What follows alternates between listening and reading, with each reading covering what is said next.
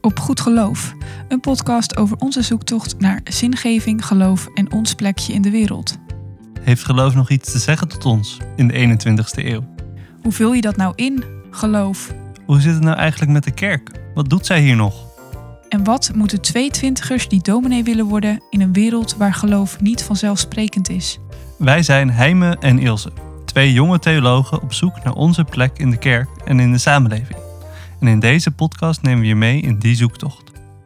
Hey, welkom bij een nieuwe podcast. Uh, vandaag gaan we het hebben bij Op Goed Geloof over Rachel Held Evans. En nu hoor ik je al juichen, yay, Rachel Held Evans, eindelijk. Uh, of ik hoor je vragen, hm, Rachel Held Evans, wie is dat? Nou, daar hebben we goed nieuws. We hebben Ilse ingehuurd en die gaat het eventjes uh, vertellen wie Rachel Held Evans is voor jou. Ja, uh, maar voordat ik dat doe, wil ik wel eventjes overleggen met jou wat dan de, de uurprijs is als je mij hebt ingehuurd. Het blijft angstvallig stil. Oké, okay. nou, word dus goed gelovig. Dat wil ik ook nog even zeggen. nee, wat we ook nog even moeten zeggen voordat we beginnen, oh. is we hebben een e-mail. Oh ja. Een wekelijkse e-mail. Dus ja. mocht je nou uh, het helemaal ja. zat zijn met Instagram en Facebook, maar je ontvangt wel e-mail en je wilt toch wel een beetje weten wanneer er een aflevering komt. Ja, en zorg ervoor dat ik niet meer hoef te reageren met oh ja. Uh, dus stuur heel veel mails zodat ik hem niet ja. meer kan vergeten. Ja, precies. Dus uh, wij uh, we sturen iedere twee weken een e-mail eruit wanneer er een aflevering is. We doen verder niet aan spam, dus maak je geen zorgen. Het zijn um, altijd hele leuke e-mails. Het zijn altijd hele leuke e-mails. Hij me maakt, ze moest even zichzelf een schouderklopje geven daar. Maar uh, je kunt je inschrijven heel makkelijk via de website. En dan uh, volgens mij is dat kopje contact of zoiets.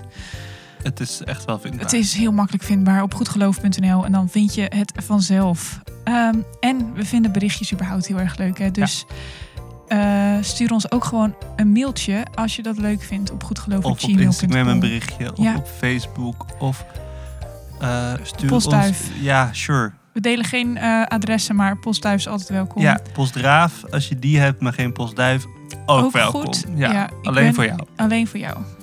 Ja, maar uh, back on track. Wie is Rachel Held Evans? Nou, je, misschien heb je wel eens van haar gehoord, misschien ook niet. Rachel Held Evans werd in 1981 geboren in Birmingham, Alabama, in de Verenigde Staten, waar ze in de evangelicale traditie in de VS opgroeide. En ze studeerde Engelse literatuur en theologie. En in 2007 komt ze wat meer, of heeft ze wat meer bekendheid door haar blog, waarin ze schrijft over haar zoektocht, haar vragen en worstelingen rondom het christelijk geloof. In die tijd schrijft ze ook haar eerste boek, Faith Unraveled: How a Girl Who Knew All the Answers Learned to Ask Questions. Een titel die misschien wel kenmerkend is voor haar leven. Want die eindeloze vragen die ze had, die durfde ze altijd aan te gaan en tegelijkertijd wilde ze ook zorgen voor veilige plekken waar anderen dat ook konden doen. Nou, daarover zometeen meer. Um, vandaag, precies twee jaar geleden, op 4 mei 2019, overleed Rachel Held Evans op 37-jarige leeftijd aan de gevolgen van een infectie. Nou ja, goed, vandaag hebben we het dus over de bijzondere, ontzettend mooie erfenis die ze achterliet.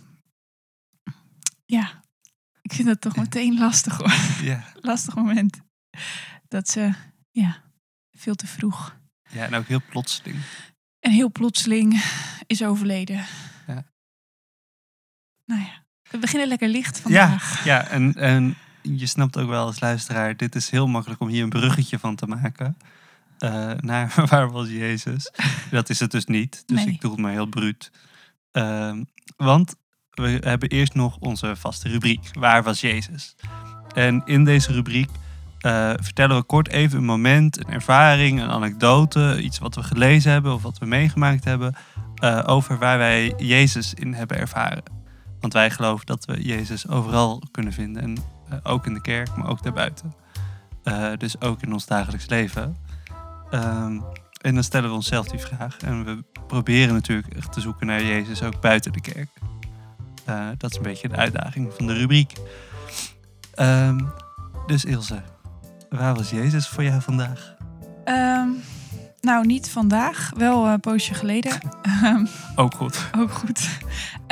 dit deed me namelijk heel erg denken aan, nou ja, uh, Rachel Held Evans en wat ze achterliet. Uh, ik kwam een tweet tegen. En ik weet dat ik hier eigenlijk eh, dat dit eigenlijk niet mag in onze rubriek, maar het, het was een tweet van kerk. maar ik moest wel denken, hey, dit is zo'n plek.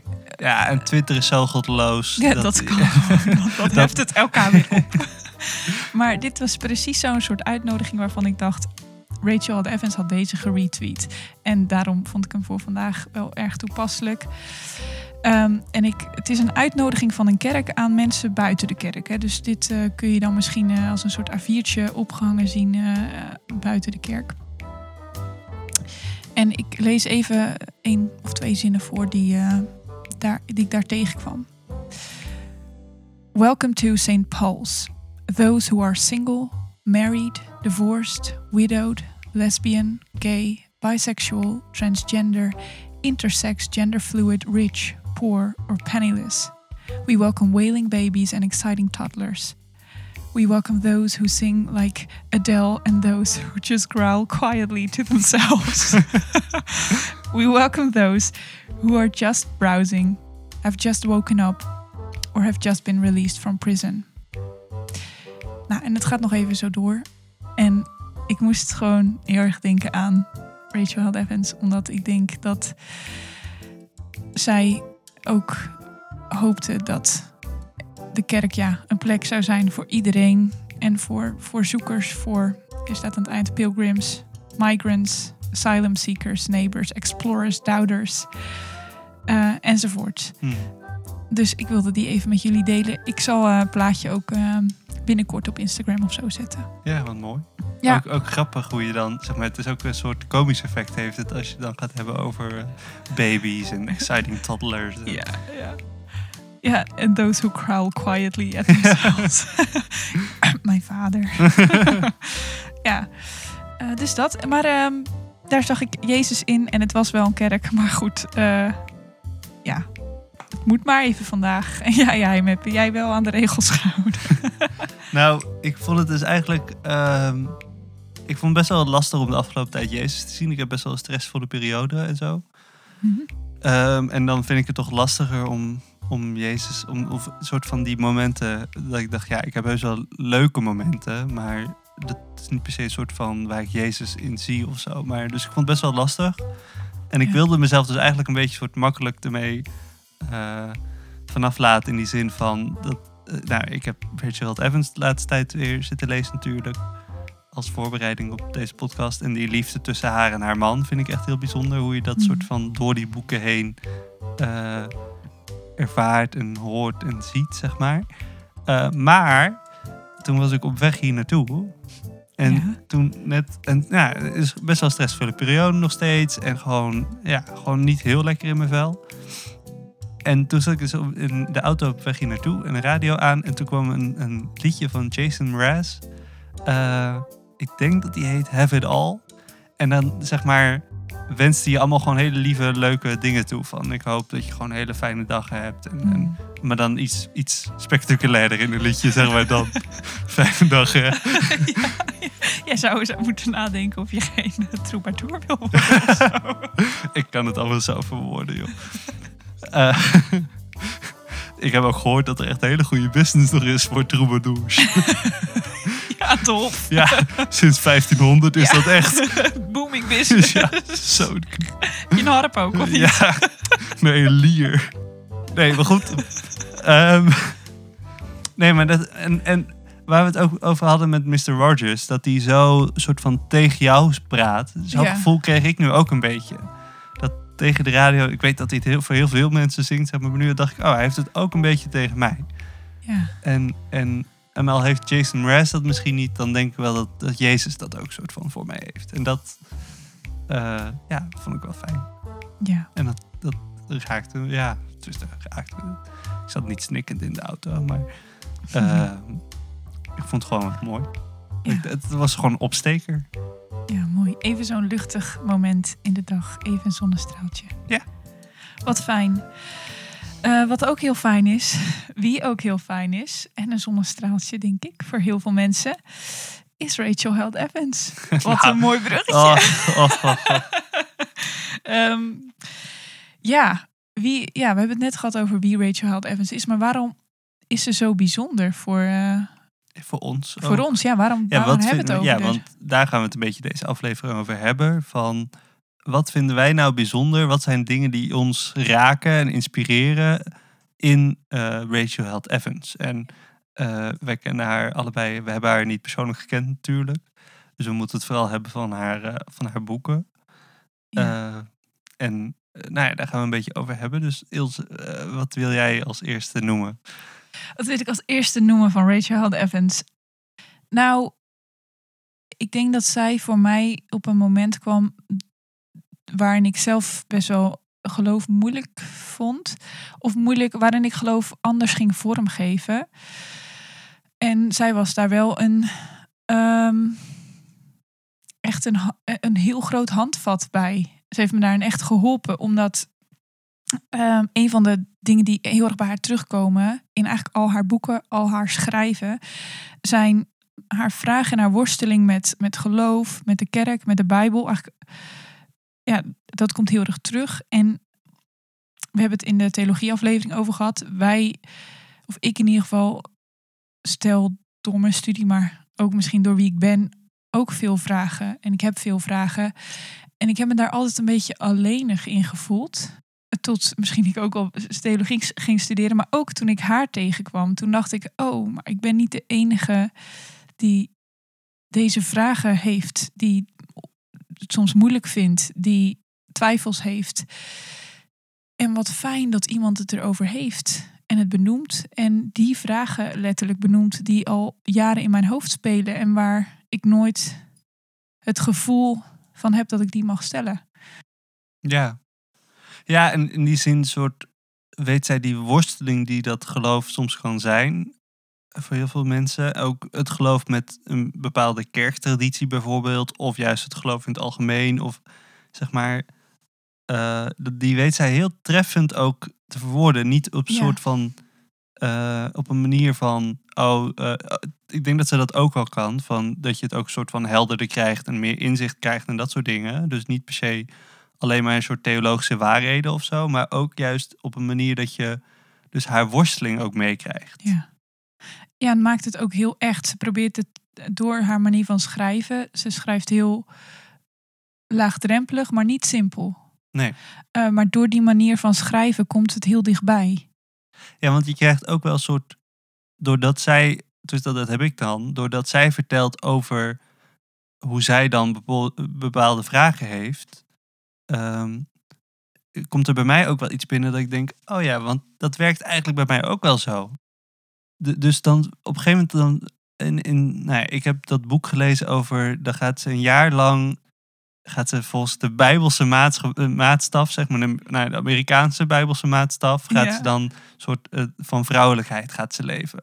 Nou, en op een gegeven moment komt ze daar dan ook de passage van Martha en Maria. En dan is eh, Jezus is op bezoek in, in die passage. En dan Martha is allemaal aan het werk in de keuken. En Maria die zit aan de voeten van Jezus en een beetje te luisteren naar zijn verhalen. En Martha komt dan op een gegeven moment ook een soort van... eh, die is helemaal niet slecht bezig, want die is gewoon heel gastvrij. Maar die komt dan toch klagen van... eh, kunt u Maria niet ook even naar de keuken sturen? Want ik zit hier in mijn eentje met alles helemaal te ploeteren. Eh, en ik kan op zich wel een extra paar handen gebruiken.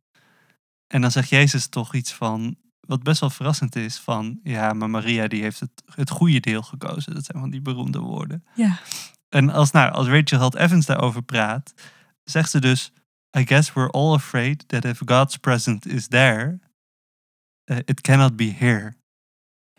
En dat is wel een soort van dat ik dacht, oh ja, dat is inderdaad wel, als ik dan andere mensen zie die op een hele andere manier geloven, dan ben ik toch bang dat ik het verkeerd doe of zo. Van, oh, maar zij geloven op een manier, dat, dat past gewoon niet bij mij, dat sluit niet bij mij aan, dat wil ik eigenlijk helemaal niet op die manier per se geloven, zeg maar. Eh, maar toch zie ik wel echt dat ze een soort connectie met God hebben. Dus moet ik dat dan ook zo geloven? En dat Ja. zegt ze hier dus van nee, dat hoeft dus niet, blijkt uit dit verhaal. Maar die angst die ik dus onbewust daarin voel, die komt in zo'n zinnetje dan bij mij wel naar boven.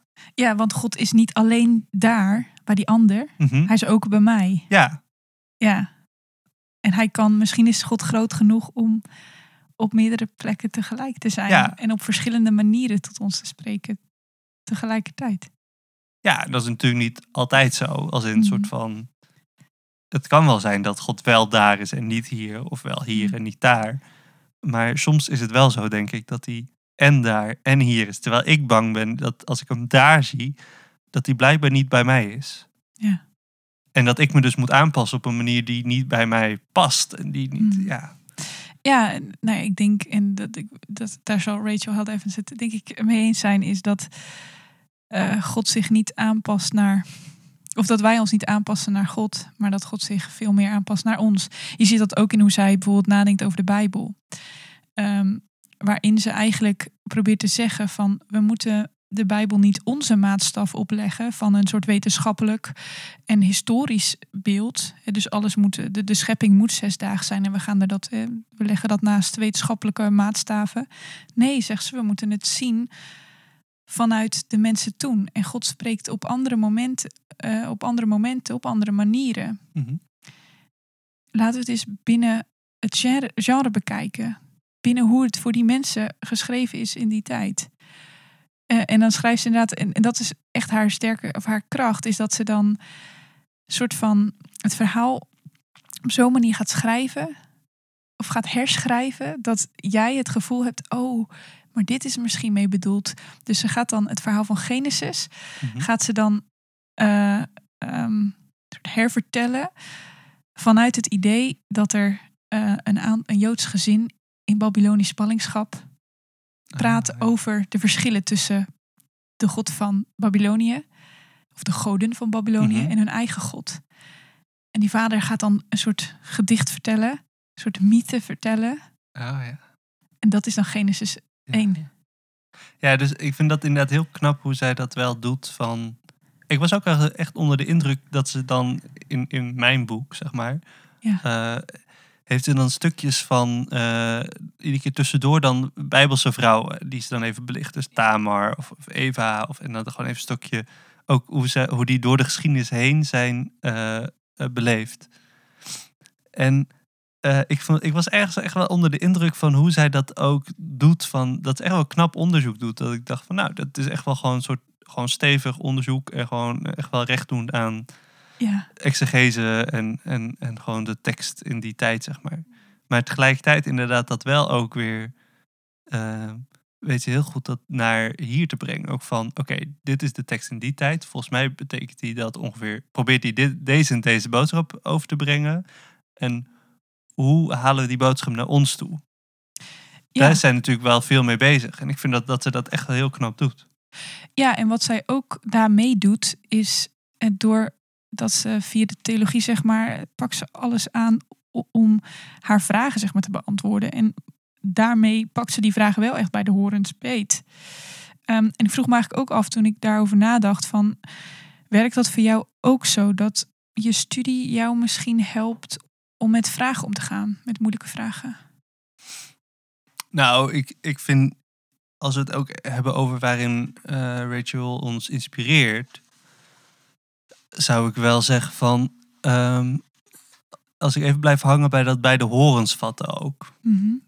Want ze is echt wel scherp. ja, Ja, heel lief, maar heel scherp. en soms echt wel ook echt een beetje fel of zo, zeg maar. Ehm, en dat vind ik dan, kijk, ehm, je zult het anders even, kijk, ik, ik heb het geluk in die zin dat ik, wat ik van haar lees, over het algemeen best wel eens met haar ben. Dus dan vind ik dat niet zo erg. Eh, maar ik kan me voorstellen dat als ik eh, haar tegenstander ben, zeg maar, dat ik dat dan denk van, nou, nou, nou, dat is wel heel veel. En eh, mijn kant mag toch ook gehoord worden. Mhm. Maar goed, dat nu even mijn punt niet. Maar dat, dat is wel iets waarvan ik verlang van, oké, ik weet dat ik dat soms best wel eng vind of zo. Of gewoon, ja, dat dat, dat een soort wel een bepaalde blokkade in, in mijzelf zit om echt soort van vragen bij de horens te vatten. Mm. Ik ben niet, ja, zachtmoediger of zo. Maar hoe, hoe komt dat? Dat je. Want is dat een soort angst? Nou ja, ik denk dat het dat heeft Of- van een beetje met persoonlijkheid en dat soort dingen te maken. Ja, het kan ook zijn. Kijk, voor haar was het natuurlijk echt van essentieel belang. Want zij, voor haar die vragen en die worstelingen, die kwamen echt voort uit. Nee, ze is opgegroeid in, in echt conservatief evangelicaal Amerika. Dat is Mhm. al echt anders dan wat wij in Nederland kennen. Mhm. Ehm, en, en daar heeft het ook bijvoorbeeld heeft een hele mooie eh, preek bij Evolving Faith gehouden. Die kun je ook terugluisteren trouwens. En daarin Evolving Face is een podcast, toch? ja, zijn podcast is eigenlijk een, een, eh, een netwerk. Daar ga ik het later misschien nog even kort over hebben. Maar wat zij eh, doet is. ehm, ze ehm, schetst dan het beeld van de apocalypse. En eh, dat doet ze niet. En even, De apocalypse, dat is hè, een soort van eh doemscenario eindtijdachtig. Eh, Mhm. zij ziet het dan gewoon als een soort doemscenario en, en niet een soort van 2012 filmachtige toestand. Maar daarin zegt ze van we leven in een wereld, even Amerika, waar neonazies rondlopen met destijds een Trump eh, die dat niet veroordeelt. mhm. We hebben hier mensen die ehm, eh, ehm, transgenders buiten willen houden. Eh, Zeg maar even een heel soort van negatief ja, toch beeld. En ze zegt, en 80% van de Amerikanen steunt dit. En dat, is, dat zijn geen- niet zomaar cijfers, dat zijn, eh, of 80% van de evang ja, evangelicalen, die steunt dit. Dat zijn christenen die, zegt ze, die voor wapens zijn. Zijn christenen die voor nou, eh, hele ellende zijn. En daar is zij heel scherp op. Ook ja. omdat ze er vandaan komt natuurlijk. Ehm, maar Ja, zij heeft dus wel heel duidelijk iets waar zij tegen wil strijden. ja, Ja, dat klopt. Ja, dat heb ik, heb ik ook wel minder in mijn context. Maar ja, ehm, ik vind dat wel ergens ook... Kijk, ik kan me dus ook voorstellen, even met het oog op onze luisteraars... dat er ook luisteraars zijn die zeggen van ja...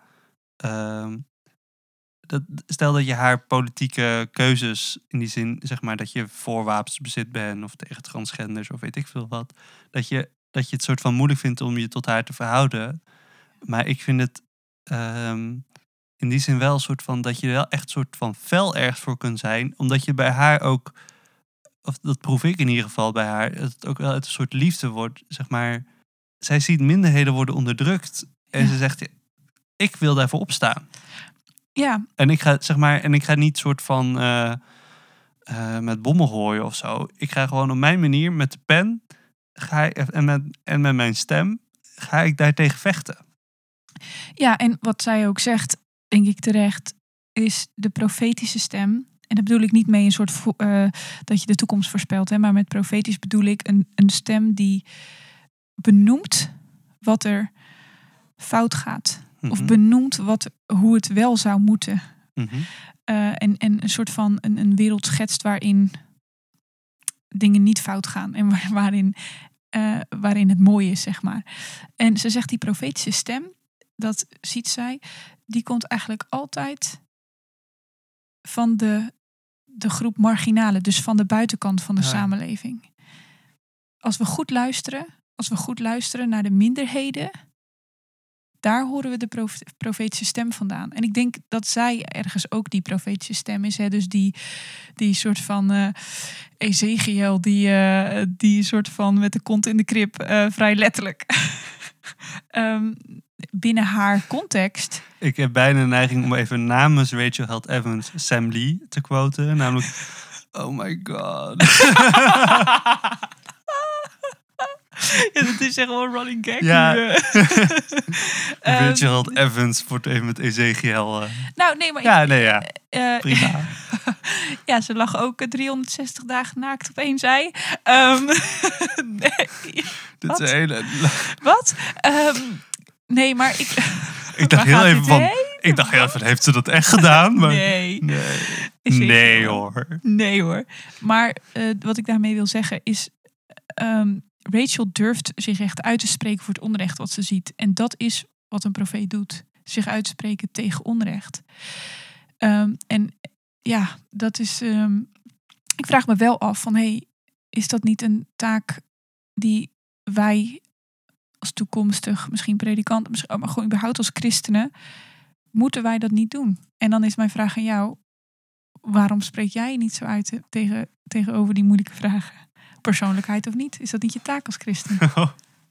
Dit is dus vuil hoor, jongens. Hoor, even, ik wilde het toch even genoemd hebben dat deze wel vuil.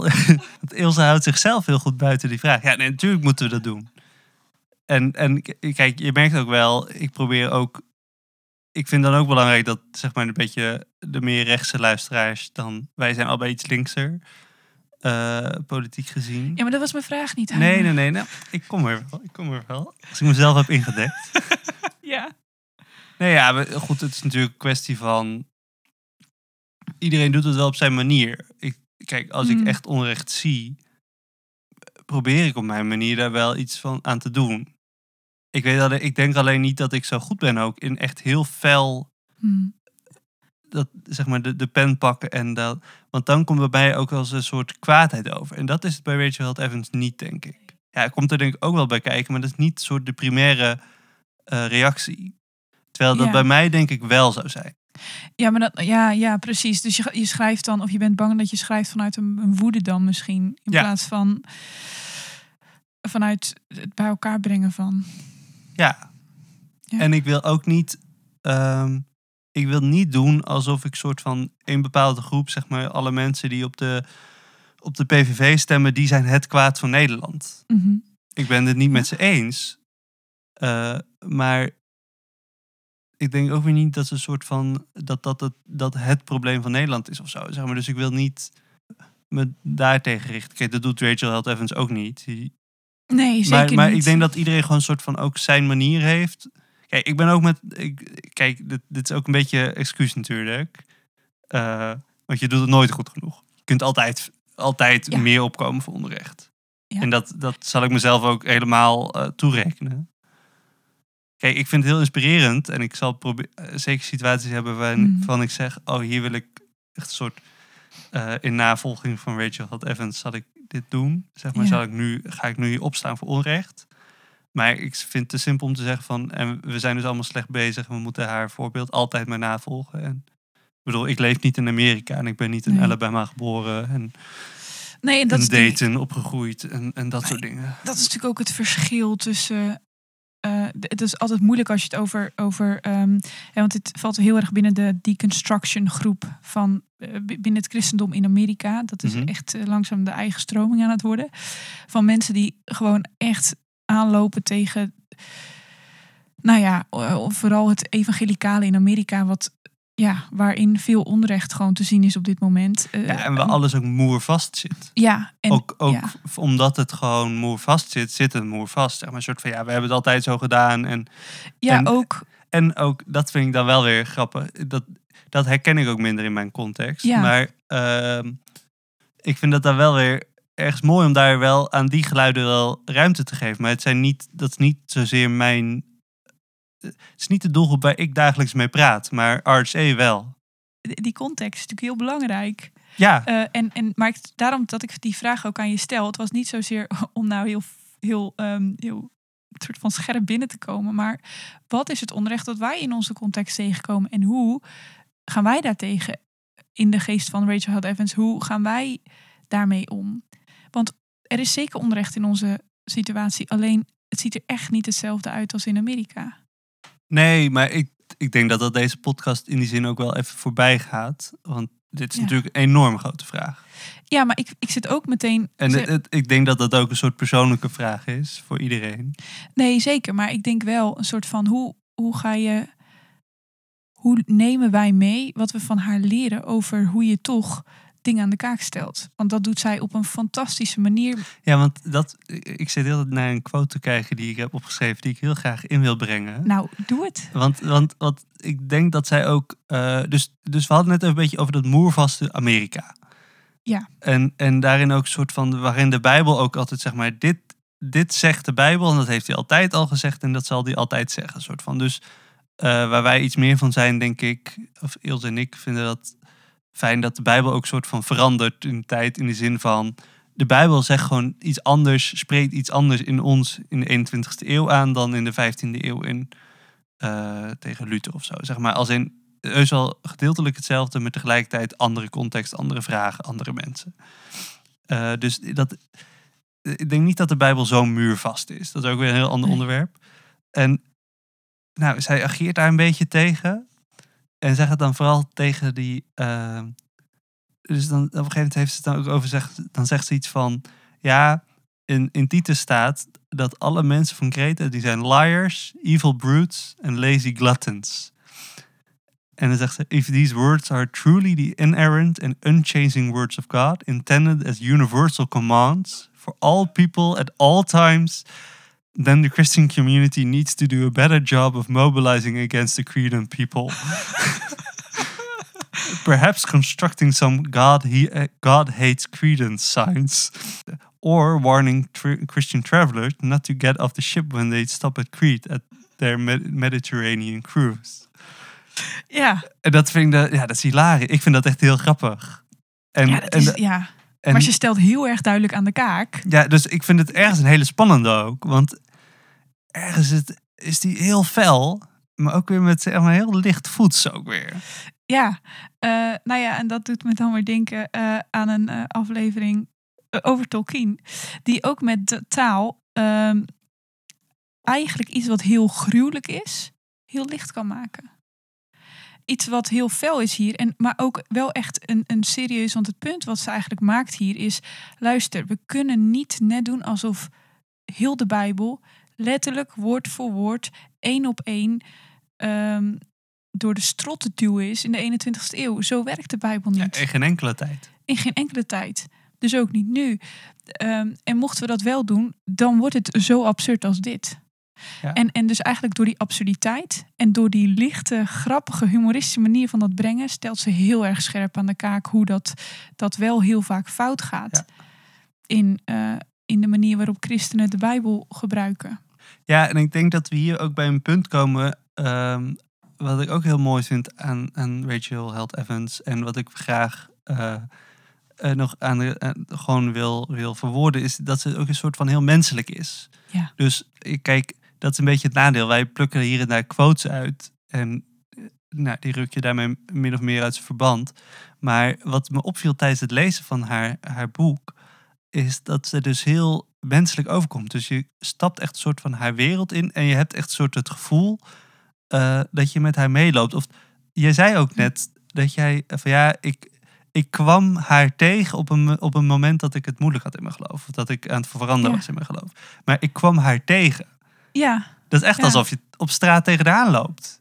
En Ja, zo maar- voelt ja. het ook als, als je haar boeken leest, ja, vind ik. Ja, nou ja, we hebben het eigenlijk, eh, je had het er net ook even over. hè. Er zijn sommige momenten waarop je het gevoel hebt dat iets echt tot je spreekt. Een Mr. Rogers over de tv, eh, een, een Jason Mraz over de radio. En, en Rachel Held Evans heeft dat door boeken. Het is Ja. bijna alsof ze een, schou- een arm om je schouder heen legt. Letterlijk door, door haar manier van schrijven. En zegt, hey, je bent niet alleen.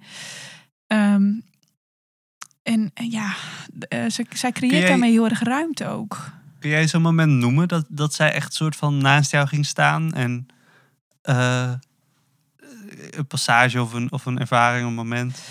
Eh, ja.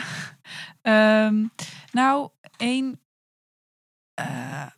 even kijken hoor. Ik heb het boek hier voor me. Het heet Gaan we vandaag. Ik heb een poos geleden gelezen. Ehm, en het gaat over haar struggle met de kerk. En ik heb ook best Is wel. dat eh, Searching Sunday? in Eh, ja, in het Engels heet hij eh, Searching, Searching for Sundays. Oh ja. En in het Nederlands heet hij Gaan we vandaag. En Rachel Held Evans die schrijft dan dat ze dus echt heel veel moeite heeft gehad met de kerk. En Mhm. dat ze ook een poosje niet meer naar de kerk gaat. Nou, maakt u geen zorgen, lief luisteraar. Ik eh, heb gewoon een fijne kerk inmiddels gevonden. Of misschien, eh, misschien maakten ze zich juist zorgen dat ze dachten, eindelijk die Ilse is ook iemand als wij. Die gaat ook niet naar de kerk. Ja, oh, sorry. Ehm, Maakt nee, u zich maar- dan wel zorgen? Maakt u zich toch zorgen? Stuur hem. Nee. Ja, waar was ik? Oh ja, ik ga dus wel nu naar de kerk, maar ik ben het een poosje wel een beetje zat geweest om christen. Nou ja, christen te zijn, dat is niet helemaal waar. Dan ga ik iets te ver misschien. Maar ehm, Je was de kerk even dus zat. de kerk even zat. En ik heb best wel gestruggeld met de kerk en de manier van kerk zijn waar ik vandaan kom. Eh, en eh, met name door dezelfde vragen die Rachel ook stelt. En ik, ja, ik weet nog dat ik dat boek las en dat ik dacht, gewoon he- het hele boek was gewoon een verademing. En dat ik gewoon echt dacht, ja, ja, hier, hier gaat het om. En ze schrijft op een gegeven moment, gaat ze iets beschrijven. En dan zegt ze, nou, eens, eh, eens in de week op een morgen kwam een groep mensen bij elkaar. Eh, en het gezelschap was heel gemaleerd. Ze was een eh, rijke zakenman en een, ja, een zwerver. Ze kwamen allemaal samen. Ze gingen in dezelfde ruimte zitten. Ze namen een bakje koffie. een stukje taart. En ze gingen met elkaar delen wat er in hun leven speelde. Op een gelijkwaardige manier. En ze proberen elkaar door dik en dun te steunen. En toen dacht ik, nou, dit is een mooie omschrijving van de kerk, Mm, toch? ja. Dat was de EE, de Alcoholic Anonymous. En toen zei ze, het zou toch fijn zijn als de kerk ook zo was. en, en toen dacht ik, ja, ik wil zo graag een EE. Zo graag daar naartoe. Maar onze kerken zijn dat zo vaak niet. En onze kerken zijn voor heel veel mensen geen veilige plek. En als je dat zelf net als ik hebt ervaren, dan is zo'n boek echt eh, een warme douche. Ja. Ja, en zij is natuurlijk ook heel goed in die zin van. ehm, het voelt bijna alsof je een soort gesprek met haar hebt. En dat je gewoon Ja. bij haar inderdaad op de koffie komt. En dan krijg je een stukje gebak. En zij gaat gewoon. Kijk, het is in die zin een boek, dus redelijk eentonig. Ja. Als in, zij praat vooral en jij leest. Maar het is wel een soort van, ja, je gaat gewoon bij een vriendin op bezoek en zij vertelt wat zij mooi vindt aan de kerk bijvoorbeeld ook. ja, Of, wa- maar Ja. ook wat zij lastig vindt, zodat jij daar ook met jouw ervaring een soort in kunt stappen. Ja. Ja, en, en ook weer doordat die menselijkheid terugkomt. En ik, om even die menselijkheid te illustreren, want daarom komt ze zo dichtbij in jouw verhaal. En eh, om da- dat even te illustreren met. Nou, ze wil eigenlijk op een gegeven moment, dit boek wil ze eigenlijk helemaal niet schrijven, want het is te moeilijk. En ze Mhm. zegt, mijn verhaal is nog niet klaar ook, ik weet het niet. Ehm, en dan sch- schrijft ze, wat mijn geloof betreft, lijk ik op dit moment nog het meest op een dwarsenpuber. Ik heb met deuren gesmeten en met mijn ogen gerold. Mensen en organisaties die de gevestigde kerk vertegenwoordigden, heb ik woedend toegeschreeuwd dat ik ze haat. Ik ben boos en humeurig, hoopvol en naïef. Ik probeer mijn eigen weg te vinden, maar heb nog niet ontdekt hoe ik dat moet doen zonder alles wat ik vroeger geleerd heb te verketteren. Zonder te blaren hoe volstrekt belachelijk het allemaal is. Mijn zelfstandigheid uit te roepen en zo snel als ik kan in tegenovergestelde richting te rennen. Boeken over de kerk worden geschreven door mensen met een, met een plan en tien praktische stappen. Niet door christenen die boven een afgrond bungelen en bijna hun grip verliezen. En dat schrijft ze dan over Ja. het boek wat ze schrijft. En daarbij zie je die worsteling, maar ook die menselijkheid. En dat gewoon bijna Maar- een opluchting om te lezen, Ja. toch? Ja, en ik denk dat wat ik een beetje mis in ons gesprek in die zin van. ehm, we hebben nu heel veel over die worsteling. En die is er Ja. natuurlijk ook echt. Je wordt echt uitgenodigd in. Maar wat denk ik ook heel typerend is voor haar worsteling, is dat ze het niet alleen doet. Ze doet het niet alleen om te verketteren en te, en te schreeuwen Nee. en te haten en te dingen. Eh, maar ze doet het juist vanuit, denk ik, een soort van die liefde voor ook dat evangelie en voor mensen en voor al die mensen die hier ook mee worstelen. Dus eh, dat hoopvolle en naïeve, wat zij dan ook in die passage zegt. Ik denk dat dat ook echt heel belangrijk is in haar. Dus ze zegt op een gegeven moment ook... What I love about the ministry of Jesus is that he identified the poor as blessed and the rich as needy. And then he went and ministered them both. Ja, That's what I love about the kingdom. For the poor there is food. For the rich there is joy. For all of us there is grace. Ja. En daarin komt ook echt zo'n hoop naar voren. En een soort van, ze weet ook echt wel wat ze wil en waar ze naar verlangt. En eh, daarvoor doet ze het ook. En Ja. daarvoor blijft ze zo doorworstelen ook wel. ja. ja en ook... ehm, ehm, ze geeft niet op, is ook echt wel een thema wat ik vind... Of, of ja, iets wat ik vind dat bij haar terugkomt. Hè. Ondanks al dat. Het is inderdaad niet, het houdt niet op bij dat puber zijn, bij dat dwars, eh, dwars zijn. Eh, en natuurlijk, ze zit, dat is heel echt en dat is heel erg deel van haar, die worsteling. Ehm, maar het blijft niet bij de deconstructie, om het even met dat woord te noemen. Ze gaat ook naar reconstructie. Ehm, en en hè, dat zie je in dat boek over de kerk. Ze gaat de, alle sacramenten langs. Op zoek naar een sprankje hoop. En op zoek naar houvast. Hoe ik wil zo graag, ik wil zo graag.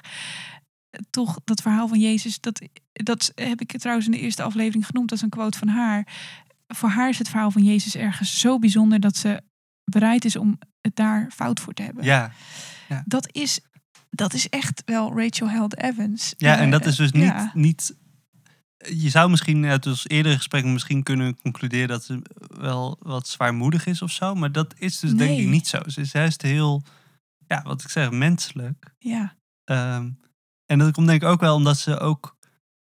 eh, nou ja, ze kan dus heel goed ook haar eigen worsteling... ook in hele menselijke termen. Dus het wordt niet soort van heel zwaarmoedig van het hele christendom eh valt stort ineen en, en alles is fout en dit en dat. Maar ze kan ook gewoon vertellen over hoe ze probeert te leven als bijbelse vrouw en dan bij Thanksgiving probeert ze een, een kalkoen te braden en dat gaat en Ja. is helemaal vol overmoed ook, want ze heeft al een week gekookt en dat ging allemaal goed zeg maar. En dan beschrijft ze toch hoe ze dan ook huilend op de keukenvloer zit omdat de, de kalkoen niet werkt. Ja, En dat is dan ook wel weer ergens grappig, maar ook wel weer een soort.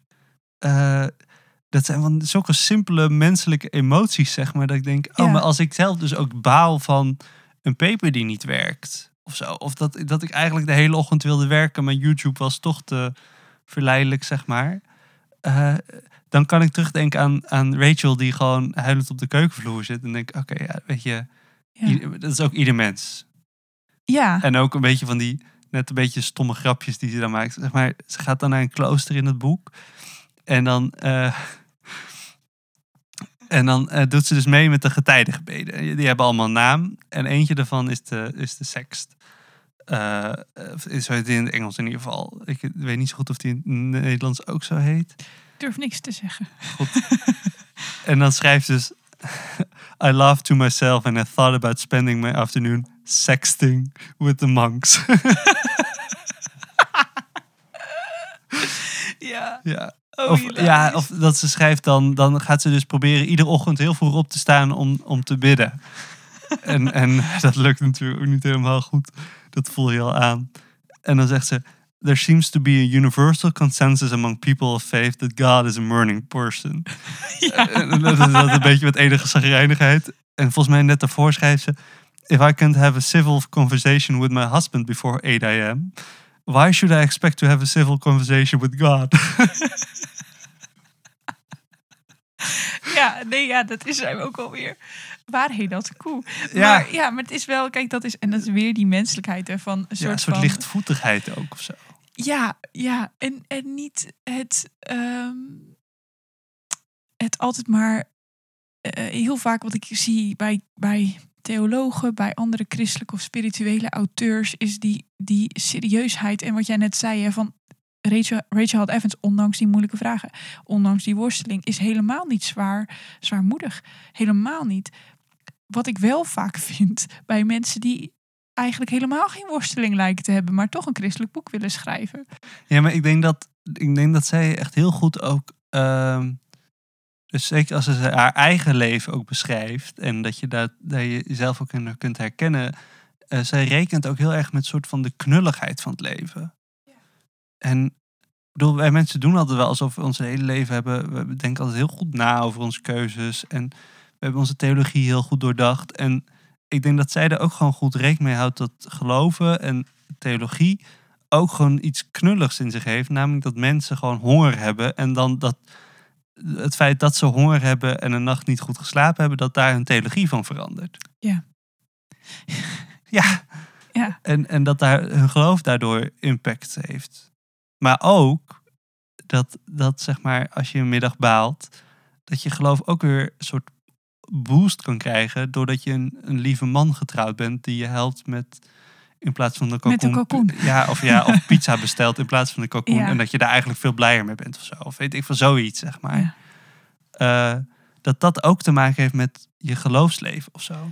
Ja, het geloof is ook van alle dag. Dat is eh, het Ja. geloof en, en weer. Dus ehm, van de menselijkheid, maar de, ook de. Het zit hem ook in de kleine dingen. Het is niet alleen. Het gaat niet over die grote overkoepelende thema's waarin we altijd spiritueel bezig zijn. Nee, het zit ook in die gefaalde kalkoen. En het feit dat je dat er mensen zijn in je gemeenschap, in je omgeving die jou helpen. Daarin, net als wat wij doen aan het begin van iedere podcast, waar was Jezus? Dat kan soms in een liedje op de radio zijn. Hè, dat van jou, zeg maar vanmorgen ook. Het zit hem niet in een soort van bliksemflits uit de hemel, waardoor je net als Maarten Luther ineens 360 graden omdraait. 180 graden zullen we dat van maken. Ehm,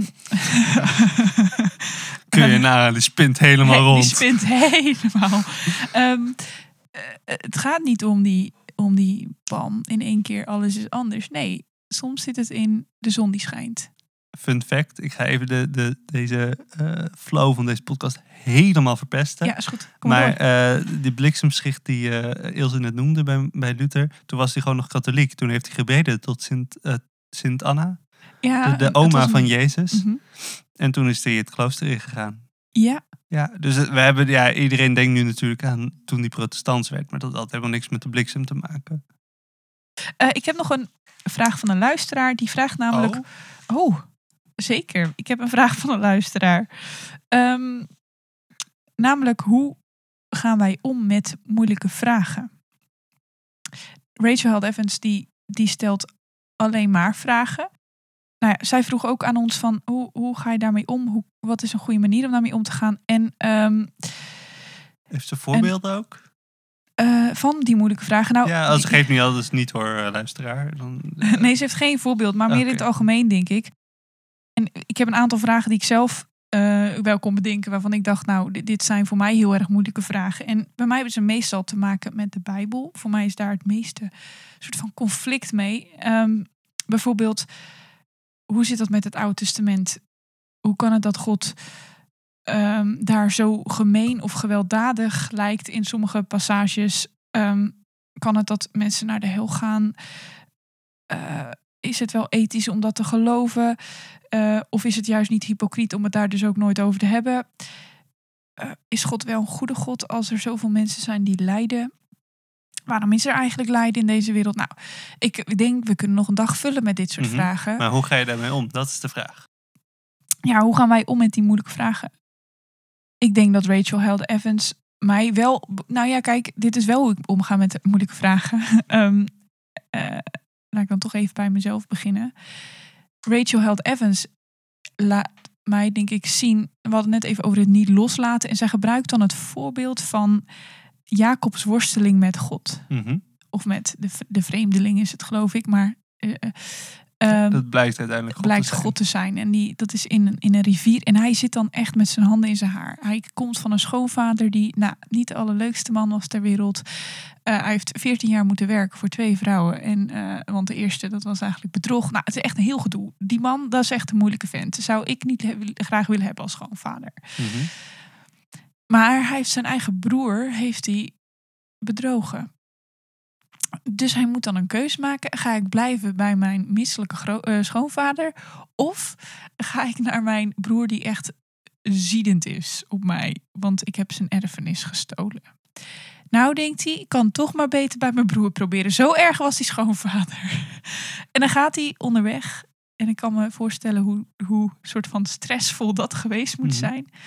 En dan staat hij in een rivier en komt hij een vreemdeling tegen. Dan gaat hij dan mee vechten. En die vreemdeling blijkt God te zijn. En eh, nou, hij komt natuurlijk niet heel de strijd, eh, ja, heel de strijd uit. Hij, heeft dan, eh, hij wordt mank, Hij wint wel. kreupel. Ja, ik geloof het ook. Maar hij Ja. komt de kreupel de strijd uit. En dan zegt hij... ik ga niet weg voordat u mij gezegend heeft. En Rachel beschrijft, denk ik, haar vraag. En, die moeite is ook een soort van als... Ik ga niet weg hier voordat u mij gezegend heeft. Dat laat denk ik twee dingen zien. Allereerst dat ze die vragen echt bij de horens pakt. En echt zegt, nee, hallo. Deze vragen die mogen gesteld worden. Want als we eerlijk zijn naar ons leven, wat we tegenkomen in ons leven, dan kunnen we toch niet eh, die vragen links laten liggen. Dan kunnen we toch niet niet de vraag stellen hoe het kan dat God liefdevol is en tegelijkertijd dat mijn buurman omkomt van de honger. Ja, we moeten met die vragen worstelen. Maar we gaan niet, we stoppen er niet mee voordat u mij gezegend heeft. Hm. Ehm, ja, ik denk dat dat is voor mij denk ik een manier geworden om voor mezelf met vragen om te gaan. En ik kom er echt niet altijd uit. En soms moet ik ze, denk ik ook wel, eh, soms laat ik ze los. Hier is geen antwoord op. En soms ga ik wel die worsteling aan. Ehm, Ja, en ik denk ook, ehm, we hebben het hier natuurlijk ook wel over in onze aflevering over geloofstwijfel. Dus ga die vooral ook even luisteren. zeker. Als we ook even inderdaad naar Rachel kijken, een andere manier waarop zij mij helpt ook wel, denk ik. Ik denk, ik herken wel een beetje wat jij zegt. Eh, dus gewoon inderdaad door blijven gaan met worstelen. En een soort, ja, een soort koppigheid is het ook, hè. Eh, maar ook tegelijkertijd, ehm, helpt het mij ook wel om te zien dat andere mensen dus ook worstelen met die moeilijke vragen. Ja. En het zijn, het zijn geen moeilijke vragen zonder reden, want de vragen die ik stel, die hebben waarschijnlijk heel veel mensen voor mij al gevraagd en zullen waarschijnlijk heel veel mensen na mij ook vragen. En dan biedt het mij toch wel troost om te weten dat er andere mensen zijn die dit ook gewoon lastig vinden. Het laatste wat ik daar dan over wil zeggen is dat zij eh, benoemt eh, de Midrash in haar boek eh, Inspired. Dat is echt een boek die gaat over de moeilijke vragen die opkomen uit de Bijbel. En de Midrash is een, een, een ontzettend lang geschrift. Mhm. eh, Verzameling. verzameling eigenlijk van, van geschriften, van werken van rabbies. En ja, van ehm, Joodse. ja, eh, Joodse, dudes. Joodse theologen zou je eigenlijk kunnen zeggen. Mhm. En die schrijven commentaren op de Bijbel. Maar een, een midrash commentaar is eigenlijk niet te vergelijken met hoe wij die kennen. Want in die commentaren worden, de, worden alle vragen gesteld die je maar kunt bedenken. En toen Rachel Held Evans achter de midrash kwam en dus in aanraking kwam met de vragen van alle mensen doorheen alle eeuwen, dacht ze, hé, ik ben niet alleen. En dat is precies wat jij net zegt. Gewoon het feit dat je niet alleen bent. Ga Rachel Held Evans zelf eens lezen. Dat is misschien voor jou wel zo'n midrash-ervaring. En zij schrijft van over, over de ruimte die ze daarmee ervaart. Van het geeft de ruimte of het geeft permission to indulge my questions and confront my doubts. En ze zegt, juist door, door die vragen mag ik ook in gesprek gaan over de Bijbel. Is het niet een soort van te hoog, te verheven om die vraag te stellen? Nee, ik mag samen met mensen doorheen alle eeuwen mag ik mijn vraag gewoon stellen. En juist als we die vragen met elkaar gaan stellen, ontstaat er gesprek en ontstaat er gemeenschap. En ze zegt, het roept ons eigenlijk, it calls for creative, collaborative participation. Dus stel die vragen maar. Durf ze maar te stellen aan de mensen om je heen. En ja, ga eens naar een vriend of vriendin. En Ja, heb het er gewoon eens ja, over. Want dat maakt ook iets los, zegt ze. Ja. Ja. ja. dat zorgt er juist voor dat je met elkaar die, die vragen aangaat. Met elkaar het leven serieus neemt. En God ook.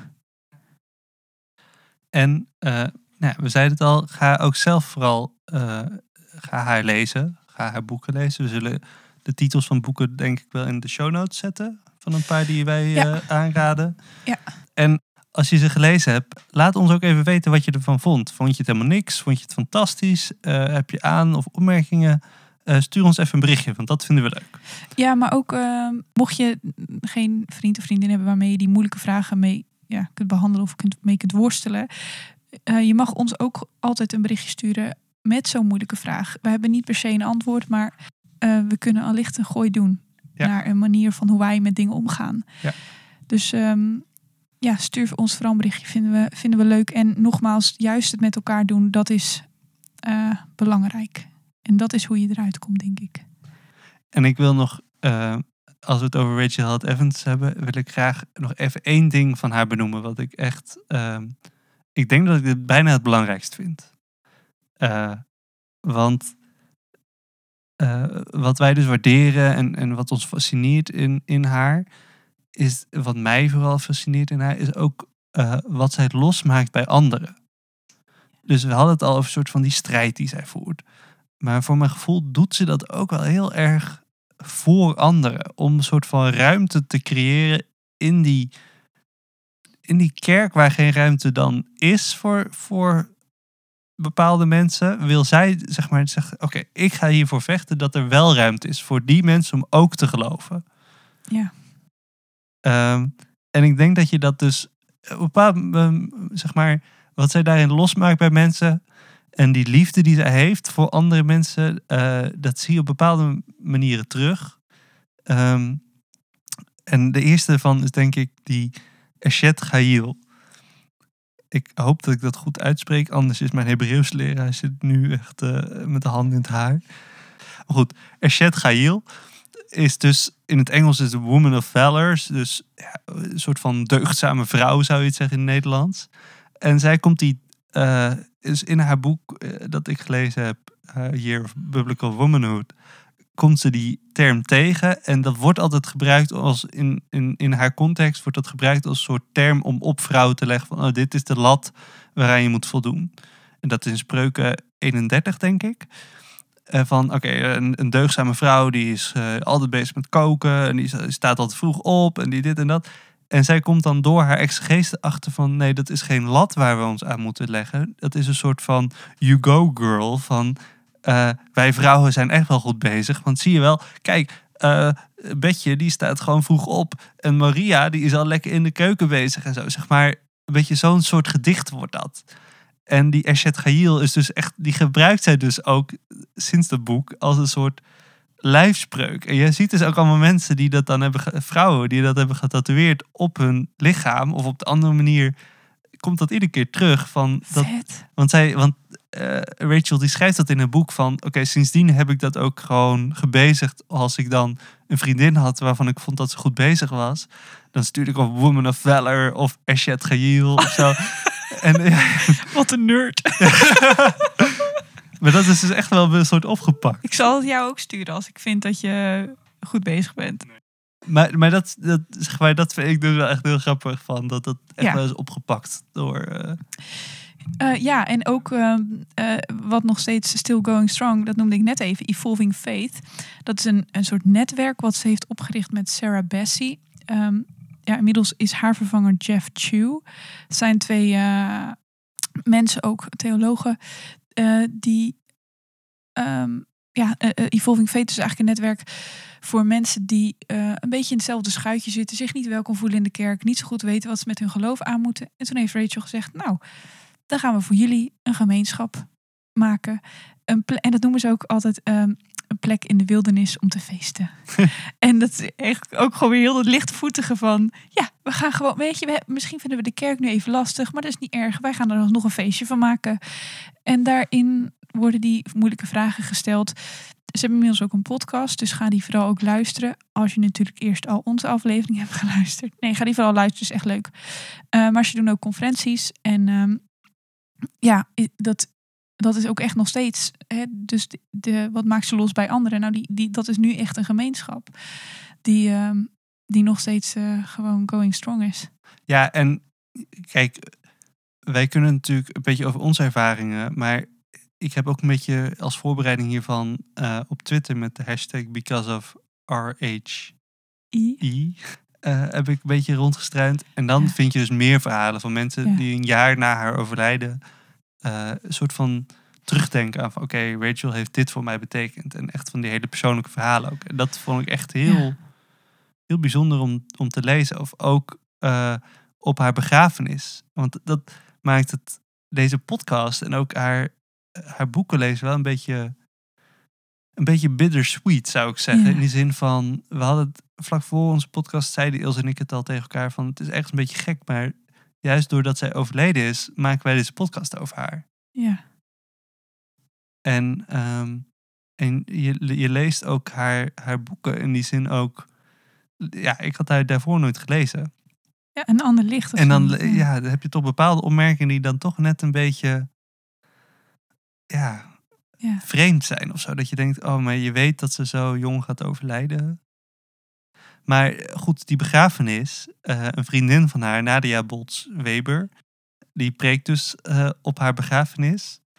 En stelt zichzelf en vanuit de Bijbel ook alle aanwezigen daar de vraag van, waarom huilen jullie? En dan geeft ze daar een bepaalde antwoord op en dan zegt ze ook, and selfishly I am crying because there was a part of me that only Rachel seemed to see. And I don't want that part of me to go unseen in this world. En dan eh, een kleine anekdote zegt ze. I'm pretty sure Rachel, like everyone else living in this century, had some form of caller ID. But you never know it. I'd call, she'd say hello. I'd say, hey Rach, it's Nadia. And she'd say, deze, eh, eh, deze demonstratie wordt u gegeven door Ilse Zwart. En dan gaat, gaat ze verder, Na- Nadia, of Nadia, eh, gaat dan verder en zegt, I'm crying because no one says my name like that. Ja. En dat geeft ook weer een soort van, überhaupt in menselijk contact natuurlijk weer, maar ook van Rachel van, zij ziet iets in mensen wat blijkbaar niemand anders ziet. Ja. Het gaat niet alleen om die ideeën die verloren gaat, maar er gaat een, een mens met een heleboel menselijkheid verloren. Ja, En, en dat is iets wat, ja, we, we hadden allebei denk ik tranen in onze ogen toen we die preek van Nadia hoorden. En ja toen- en, en je moet ook die preek echt even gaan bekijken. Want, Ja, dit want is Nadia is ook met tranen in haar ogen. En je hebt ook haar zus, eh, eh, houdt ook een toespraak. En, en een youth pastor of zoiets. En het is ook echt heel mooi om die verhalen te horen. En, en dus te kijken naar de mensen die dichtbij haar stonden. Hoe die eh, haar beleefden. En in die zin wil ik afsluiten met haar man. eh, Dan. Man. En ik zei het al een beetje aan het begin van eh, die relatie die zij hebben, vind ik gewoon heel mooi. En vind ik gewoon. ehm tuurlijk, ze hebben ruzie af en toe en ze, en ze liggen elkaar niet altijd helemaal, maar ze houden gewoon echt van elkaar. Ehm, en Dan, die is dan in, in een blog schrijft hij dan, kijkt hij dan terug op haar overlijden. Dat is een paar maanden, of nee, een jaar daarna, denk ik. Ilse, wil jij hem voorlezen? Yes. Dit zegt Dan dus. I can't imagine a better way to remember Rachel than to remember how much she cared about others, about you. You who lost family, you who lost marriages, you who lost jobs, pets, plants, you who lost community, you who lost an author you never knew, you who lost a friend. I can't imagine a better way to remember her than to remember you who give birth, you who continue to work, you who make bread, you who escape oppression, you who write, you who find love, sign contracts, succeed, you who raise kids, you who care, you who put good things into the world. Heel erg bedankt dat je luisterde naar deze aflevering van Op Goed Geloof. We willen graag dat meer mensen ons vinden. Dus vond je het leuk? Stuur deze podcast dan door. En laat anderen ook kennis maken met Op Goed Geloof. Je kunt ons beluisteren op Spotify, iTunes en waar je ook maar naar je podcast luistert. Heb je ideeën of vragen? Of weet je een gast, onderwerp of thema dat echt een keer op deze podcast langs moet komen? Of wil je ons gewoon een berichtje sturen? Kom dan met ons in contact. Je kunt ons vinden op Instagram en op Facebook via Op Goed Geloof. En je kunt ons ook mailen via opgoedgeloof.gmail.com. Een podcast maken kost geld. Dus zou je ons willen steunen zodat we deze podcast kunnen blijven maken?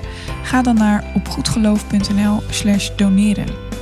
Dat kan door een eenmalige donatie te doen of door goedgelovig te worden. Als goedgelovige krijg je toegang tot extra content als overdenkingen en extra afleveringen. Maar ook maak je als goedgelovige kans op de relieken die we af en toe verloten. Mocht je helemaal geen zin hebben om ons geld te geven, maar wil je wel wat doen, niet getreurd. Je helpt ons al enorm door een goede review achter te laten op iTunes. Geef ons bijvoorbeeld 5 sterren. Zo kunnen meer mensen op goed geloof vinden. Bedankt voor het luisteren en tot de volgende keer.